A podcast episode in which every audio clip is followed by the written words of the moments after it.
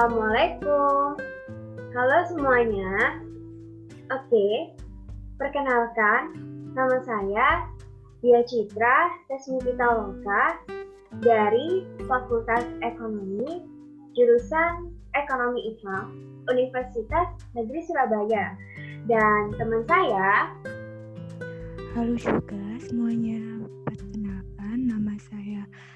Santi Aryani dari Fakultas Ekonomi, jurusan Ekonomi Islam, Universitas Negeri Surabaya. Jadi begini teman-teman, kami di sini akan menyampaikan beberapa pengetahuan dan informasi mengenai peran dan tantangan untuk lembaga keuangan syariah non-bank dalam menghadapi situasi saat ini, yaitu adanya pandemi virus corona. Di sini, lembaga keuangan syariah non-bank atau LKSNB adalah bidang kegiatan yang berkaitan dengan aktivitas lembaga keuangan yang non-bank seperti di BMT atau Baitul Mal wa asuransi syariah, aktivitas di pasar modal syariah, dana pensiun, lembaga pembiayaan, dan lembaga jasa keuangan lainnya. Dan tentunya dalam pelaksanaannya itu harus sesuai dengan prinsip-prinsip syariah Lembaga keuangan syariah non-bank ini juga diawasi oleh otoritas jasa keuangan atau OJK, di mana OJK sebagai lembaga pengatur dan pengawas di keuangan syariah juga memiliki fungsi dan kewenangan untuk melakukan integrasi arah kebijakan, strategi, dan tahapan pengembangan di lembaga keuangan syariah termasuk di lembaga keuangan non-bank syariah. Tentunya, instrumen regulasi yang dikeluarkan juga sesuai dengan prinsip syariah dengan melibatkan Dewan Syariah Nasional Majelis Ulama Indonesia atau PSN MUI. Oh ya teman-teman, saat ini kan kita semua sedang menghadapi pandemi virus corona. Virus corona atau Severe Acute Respiration Syndrome Coronavirus 2 atau SARS CoV itu adalah virus yang menyerang sistem pernapasan. Penyakit karena infeksi virus ini disebut COVID-19. Virus corona bisa menyebabkan gangguan ringan pada sistem pernapasan, infeksi paru-paru yang parah, hingga kematian. Sampai saat ini belum ditemukan vaksin untuk menangkal, virus corona ini, sehingga penyebaran virus corona ini sangat cepat dan meluas hampir di seluruh dunia. Akibat adanya virus corona ini, Organisasi Kesehatan Dunia atau World Health Organization atau disingkat WHO menerapkan pembatasan jarak sosial atau physical distancing untuk seluruh warga dunia agar virus corona ini tidak menyebar semakin luas. Virus corona ini menyebabkan dampak yang sangat besar loh teman-teman dalam perekonomian dunia terutama perekonomian di Indonesia. Dikutip dari portal berita CNN Indonesia, Menteri Keuangan Republik Indonesia Ibu Sri Mulyani mengatakan bahwa proyeksi pertumbuhan ekonomi Indonesia hanya akan mencapai sebesar 20,3 persen. Bahkan dalam situasi yang terburuk, ekonomi bisa minus hingga 0,4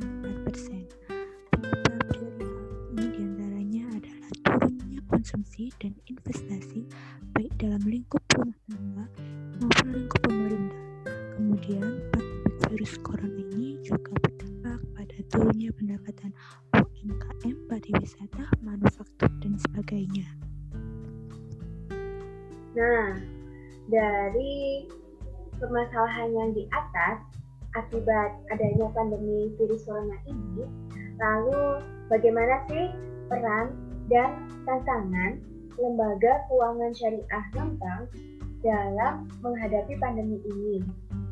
Uh, di sini kami akan menjelaskan peran dan tantangan lembaga keuangan syariah non-bank atau LKSMB yang terdiri dari BMT, Baitul Mal Tamwil, asuransi syariah, dan aktivitas di pasar modal syariah dalam menghadapi pandemi virus corona ini.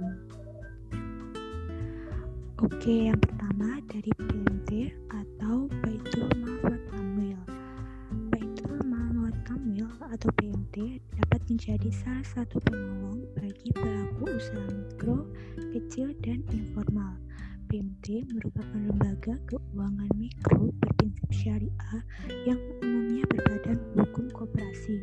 BMT ini banyak kita temui loh di daerah sekitar pasaran Anggota lembaga ini juga umumnya adalah pedagang kecil dan biasanya dilayani dengan sistem jemput bola. Bagi pedagang kecil, keberadaan BMT tentunya cukup membantu, terutama bagi mereka yang tidak uh, menyukai bank seperti itu. Meskipun jika dibandingkan dengan bank syariah, margin yang ditawarkan relatif lebih tinggi, namun BMT menawarkan kemudahan dan layanan jemput bola tidak hanya diambil cicilannya sehingga mereka tidak perlu repot-repot harus mentransfer atau pergi ke kantor BMT namun mereka dapat secara paksa diajak untuk membiasakan diri menabung. Salah satu tabungan yang paling populer dari semua BMT adalah tabungan hari raya yang biasanya akan ditarik anggota sekitaran bulan Ramadan menjelang hari raya Idul Fitri sehingga menjadi sesuatu yang jamal setiap mendekati hari raya Idul Fitri banyak BMT yang mengalami masalah likuiditas. Dalam kondisi pandemi COVID-19 ini kesulitan yang dialami BMT pastinya akan lebih besar. Kebijakan social distancing lockdown, PSBB atau pembatasan sosial berskala besar yang terjadi di berbagai wilayah Indonesia dan sejenisnya tidak hanya menyulitkan dikarenakan meningkatnya nasabah yang menarik tabungan, namun juga kondisi tabungan per hari menjadi lebih sulit dikumpulkan. Lagi kemungkinan beberapa nasabah yang tidak dapat mencicil angsurannya, sehingga menurunkan pendapatan BMT. Dan pihak ketiga pun menjadi semakin sulit meskipun bagi hasil yang ditawarkan itu lebih tinggi. Hal ini merupakan perjuangan yang tidak mudah bagi BMT. Tidak hanya itu, bahkan dalam kondisi seperti ini, BMT dengan dua landasannya sebagai lembaga ekonomi dan sosial yang juga sangat diharapkan keberadaannya. Bukan hal tidak mungkin jika di anggota ada yang menjadi miskin dengan adanya pandemi virus corona ini kecil, pekerja harian, buruh atau pegawai yang dirumahkan dan sebagainya. Beberapa berita yang saat ini viral menceritakan tentang kematian warga yang kelaparan dan bahkan tidak ada bantuan sama sekali.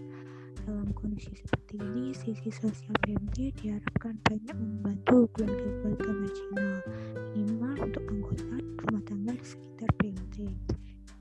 BMT perlu mendata kembali nasabahnya, terlebih tidak tertutup kemungkinan adanya anggota BMT yang menjadi golongan penerima zakat. Sekali lagi, peran BMT sangat diharapkan untuk dapat mengatasi yang seperti itu. Di tengah kondisi penurunan ekonomi, kiprah BMT ini tentunya harus didukung oleh segenap karyawan dan pengurusnya. Tidak hanya dibutuhkan kesehatan jasmani dan secara fisik, namun juga kesehatan rohani, sehingga BMT dapat menjalankan fungsinya baik itu fungsi bisnis sekaligus fungsi sosialnya.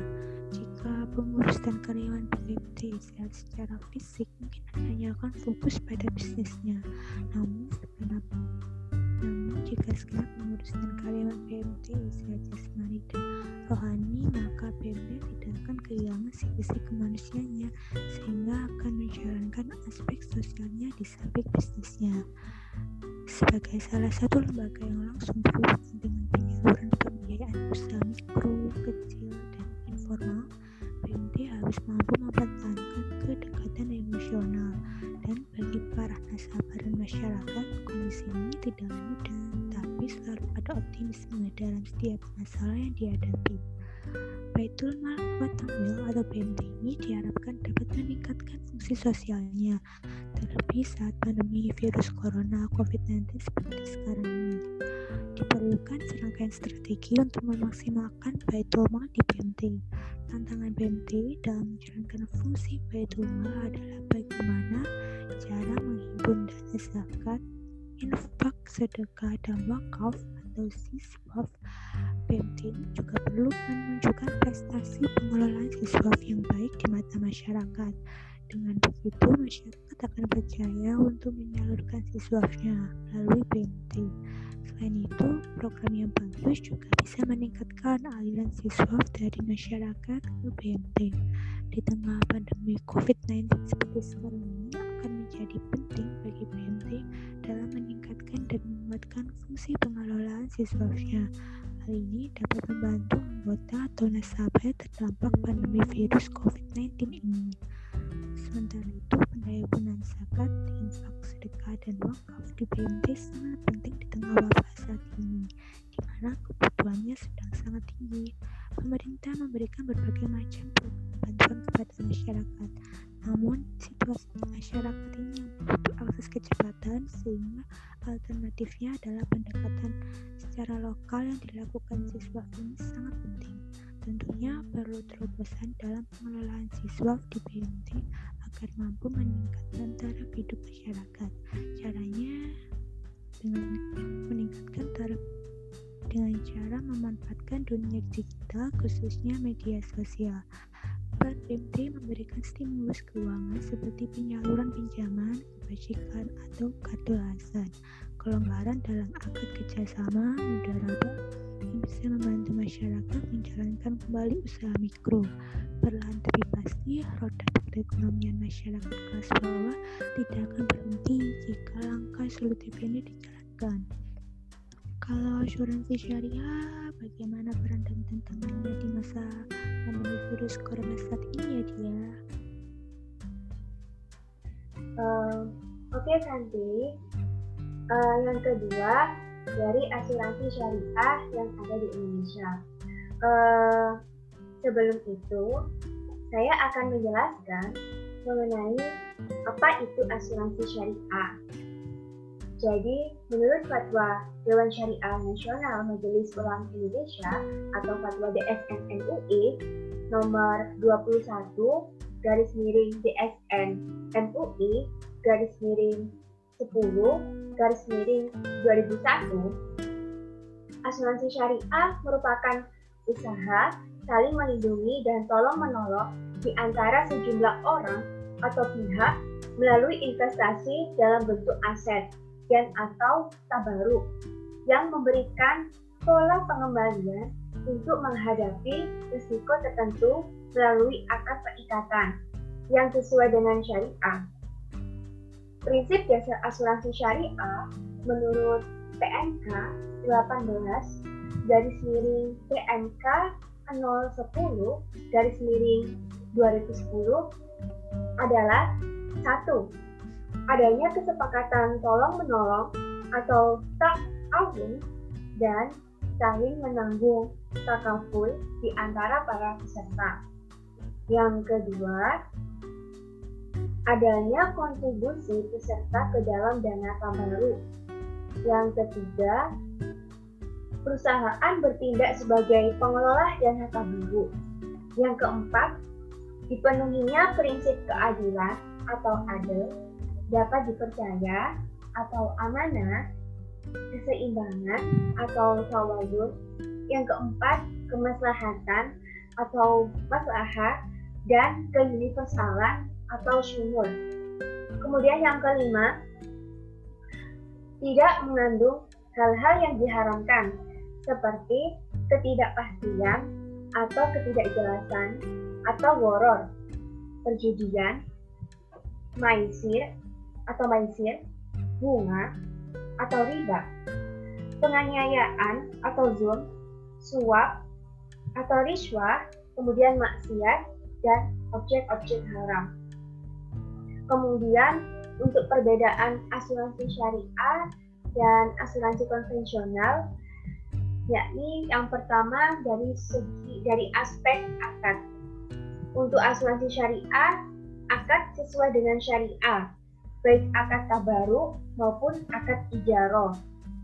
untuk asuransi konvensional akan tidak sesuai dengan syariah atau akan jual beli. Kemudian yang kedua, aspek kedudukan para pihak dalam akad atau perjanjian. Untuk asuransi syariah itu menggunakan sharing of risk.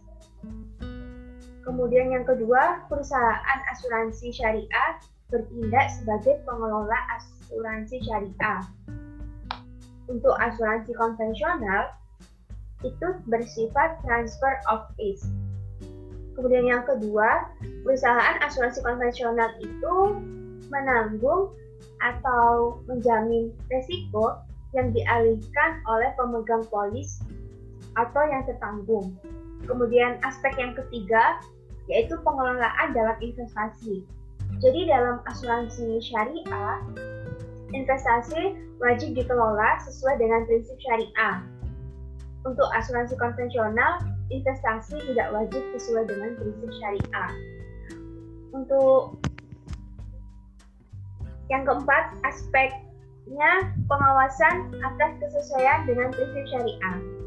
Untuk asuransi syariah, wajib memiliki Dewan Pengawas Syariah atau DPS. Kemudian, untuk asuransi konvensional, perusahaan asuransi konvensional tidak memiliki DPS.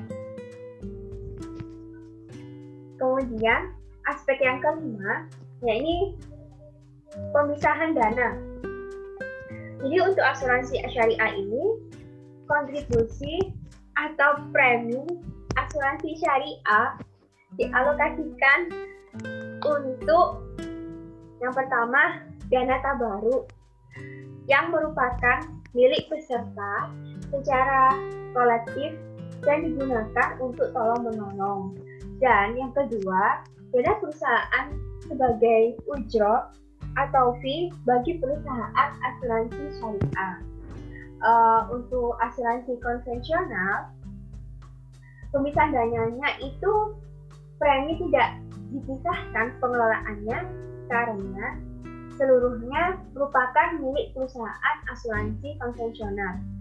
Kemudian dari aspek kepemilikan dana, asuransi syariah Dana berkontribusi sebagian merupakan milik peserta atau soliduma dan sebagian milik perusahaan sebagai pemegang amanah atau mudorib dalam mengelola dana tersebut.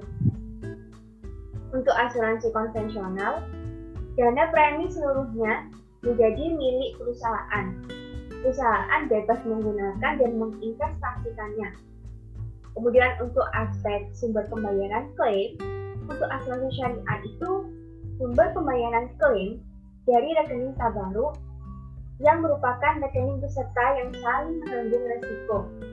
Untuk asuransi konvensional, sumber pembayaran klaim dari rekening perusahaan sebagai konsekuensi penanggung terhadap tertanggung. Yang terakhir, dari segi aspek surplus underwriting, untuk asuransi syariah itu, surplus underwriting dapat dibagikan antara cadangan dana tabaruk, perusahaan, dan peserta. Apabila kondisi perusahaan memenuhi ketentuan yang berlaku. Kemudian untuk asuransi konvensional, surplus underwriting seluruhnya menjadi milik perusahaan.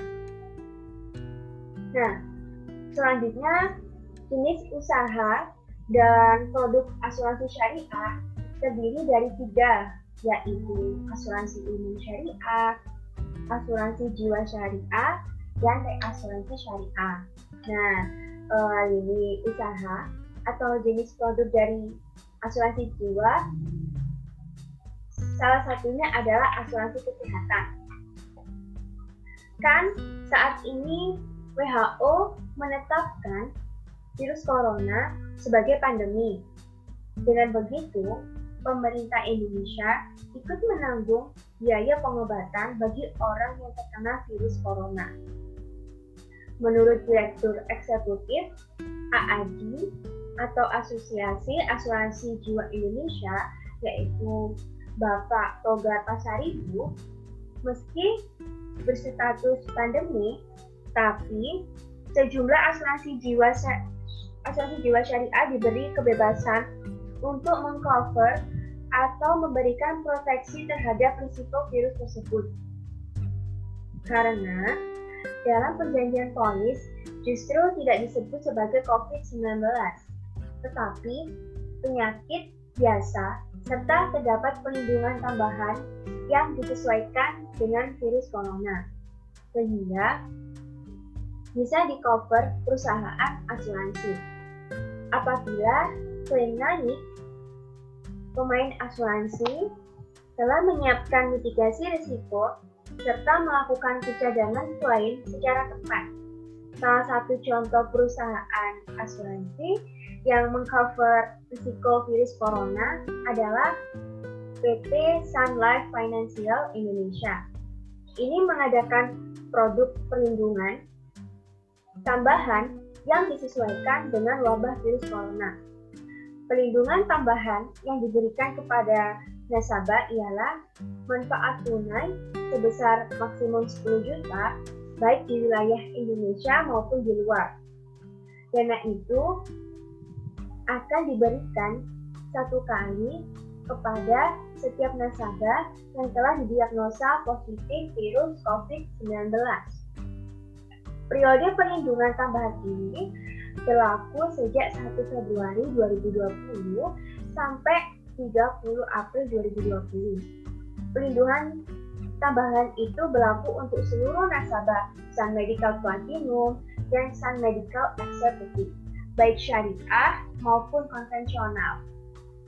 Nah, Menurut Direktur Eksekutif Asosiasi Asuransi Umum Indonesia atau AAUI yaitu Bapak Dodi Ahmad Sudiar dari MP, perusahaan-perusahaan asuransi syari, perusahaan-perusahaan asuransi yang memasarkan produk asuransi kesehatan dinilai perlu memperhatikan pengelolaan asetnya seiring ditemukannya pasien yang terjangkit virus corona di Indonesia. Hal tersebut khususnya berlaku bagi perusahaan-perusahaan asuransi yang memasarkan asuransi kesehatan. Perkembangan kasus virus corona ini dapat berpengaruh terhadap strategi pengelolaan aset dari produk asuransi kesehatan setiap perusahaan. Bahwa perusahaan asuransi tentu sudah mempersiapkan cadangan dari polis asuransi kesehatan sesuai perhitungan aktuaria. Pencadangan pun telah memperhitungkan kemungkinan jika terdapat kondisi resiko katastrofik. Selain mengantisipasi pengelolaan aset, perusahaan asuransi harus mendorong upaya-upaya preventif kepada nasabahnya agar selalu hidup sehat sehingga tidak terjangkit penyakit serta mengurangi potensi biaya-biaya kesehatan karena sakit. Nah, kalau peran dan tantangan pasar modal syariah dalam menghadapi situasi adanya pandemi virus corona saat ini, eh, bagaimana ya Santi? Jadi begini ya teman-teman, di tengah pandemi virus corona ini, pertumbuhan pasar modal syariah tetap menunjukkan indikator yang positif. Memasuki bulan Ramadan, para investor dan calon investor bisa mulai mencermati saham-saham syariah yang berkinerja baik, yang saat ini seperti saham lainnya sedang dalam posisi harga yang relatif murah. Jumlah saham syariah yang tercatat di Bursa Efek Indonesia atau BEI terus bertambah. Per 23 April 2020 terdapat 446 saham syariah atau 64,5 persen dari total saham yang tercatat di BEI dengan kapitalisasi pasar saham syariah mencapai sebesar 2 triliun 774 juta dari 26 saham baru yang tercatat selama triwulan pertama tahun 2020 sebanyak 17 saham atau sekitar 65 persennya merupakan saham syariah. Apa yang membedakan saham syariah dengan saham syariah. Secara definisi, saham syariah merupakan efek atau saham yang tidak bertentangan dengan prinsip syariah. Definisi saham dalam konteks saham syariah merujuk kepada definisi saham yang diatur dalam undang-undang maupun peraturan otoritas jasa keuangan atau OJK. Ada dua jenis saham syariah yang diakui di pasar modal Indonesia. Pertama, saham dinyatakan memenuhi kriteria seleksi saham syariah berdasarkan peraturan OJK nomor 35 garis miring POJK nomor 4 garis miring 2017 tentang kriteria dan penerbitan daftar efek syariah. Kedua, saham yang dicatatkan sebagai saham syariah oleh emiten atau perusahaan publik syariah berdasarkan peraturan OJK nomor 17 garis miring POJK nomor 04 garis miring 2015. Semua saham syariah di Indonesia, baik yang tercatat di BI maupun tidak, terdapat dalam daftar efek syariah atau DES yang diterbitkan oleh EJK baik secara insidental maupun secara periodik setiap bulan Mei dan November. Jadi bisa saja dalam enam bulan pertama suatu saham memenuhi syarat sebagai saham syariah dan dalam enam bulan berikutnya dikeluarkan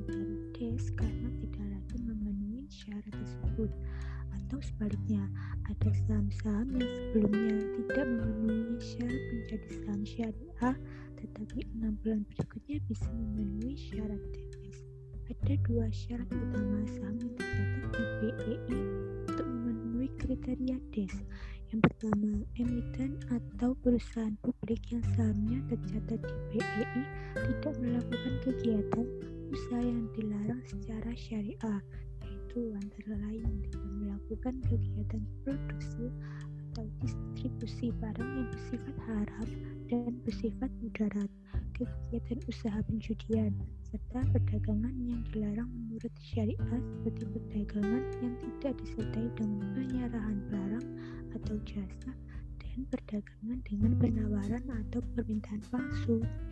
Selain itu, saham syariah diterbitkan perusahaan yang tidak mengelola jenis keuangan ribawi, antara lain bank berbasis bunga dan perusahaan pembiayaan berbasis bunga.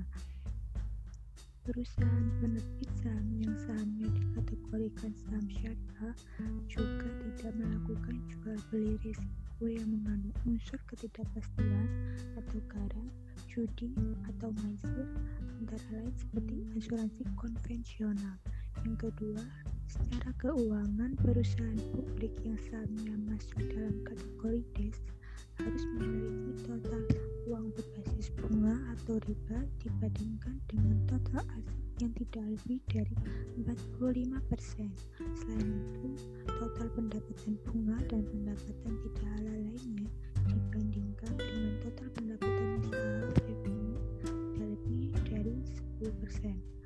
Maret 2020, jumlah investor saham syariah tercatat mencapai sebanyak 72.856 meningkat sebesar 6,2 persen dihitung sejak awal tahun. Investor aktif mencapai 10.676 atau 15 persen dari total investor saham syariah. Sementara itu, total nilai transaksi investor saham syariah per Maret 2020 mencapai 667 miliar dengan volume transaksi sebanyak 3,5 miliar saham dengan frekuensi perdagangan sebanyak 253 ribu kali. Dalam situasi pandemi COVID-19 ini, BME, BEI melakukan inovasi kegiatan literasi dan inklusi pasar modal syariah dengan menyelenggarakan literasi dan inklusi online menggunakan platform live Instagram maupun Schoolbase. Kegiatan-kegiatan tersebut antara lainnya sekolah pasar modal syariah, syariah webinar series, dan sekolah pasar modal syariah online dengan judul investasi syariah virtual. Kegiatan edukasi secara online ini dilaksanakan dengan bekerjasama dengan institusi, komunitas, bursa. Sebelum situasi wabah COVID-19, BEI juga telah memfasilitasi kunjungan dari kampus-kampus untuk mempelajari pasar modal syariah, menggelar Syariah Investor Forum, memfasilitasi Syariah Investor Club, edukasi pengenalan dasar saham syariah, dan edukasi pasar modal syariah online class. Investor syariah saat ini juga akan semakin dimudahkan beberapa tambahan anggota bursa yang memiliki layanan fasilitas online sistem online trading syariah. Bahkan saat ini secara total sudah ada 18 perusahaan sekuritas yang menyediakan sistem online trading syariah. Oleh karena itu, diharapkan pasar modal syariah Indonesia tetap menunjukkan pertumbuhan yang positif di tahun 2020. Nah, nah teman-teman, uh, begitulah peran lembaga keuangan syariah non-bank atau LKSNB yang terdiri dari Baitul Mal Wastamil atau BMT, kemudian asuransi syariah, dan aktivitas di pasar modal syariah dalam menghadapi pandemi virus corona ini. Uh, kalau begitu teman-teman, sekian dari kami. Dan kami mohon maaf apabila ada kesalahan kata atau informasi yang kami sampaikan. Dan juga kami terima kasih banyak teman-teman. Uh, dan tetap stay at home and stay healthy agar pandemi virus corona ini segera berakhir dan juga agar aktivitas perekonomian negara kita yaitu Indonesia menjadi lebih baik ke depannya. Uh, terima kasih.